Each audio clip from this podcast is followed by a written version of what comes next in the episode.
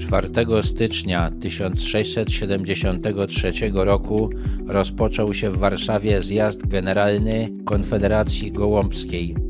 Konfederacja ta została zawiązana w październiku poprzedniego roku przez szlachtę, która posłuchała wezwania króla Michała Korybuta Wiśniowieckiego i stawiła się na pospolite ruszenie we wsi Gołąb. Z całego kraju zebrało się około 30 tysięcy ludzi, którzy nie mieli ochoty walczyć z 80-tysięczną przynajmniej armią turecką i zaczęli obradować nad tym, w jaki sposób zabezpieczyć przywileje szlacheckie przed zakusami magnaterii i ograniczyć wpływy tejże magnaterii.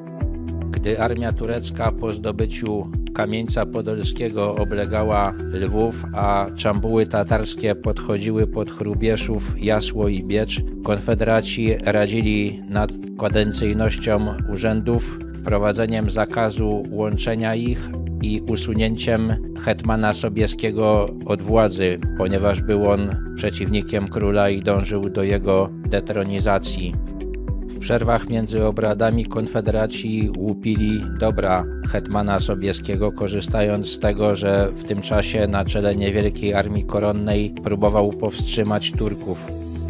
Rozbudowa armii była niemożliwa, ponieważ Sejm nie uchwalił podatków właśnie ze względu na wrogość Sobieskiego wobec króla.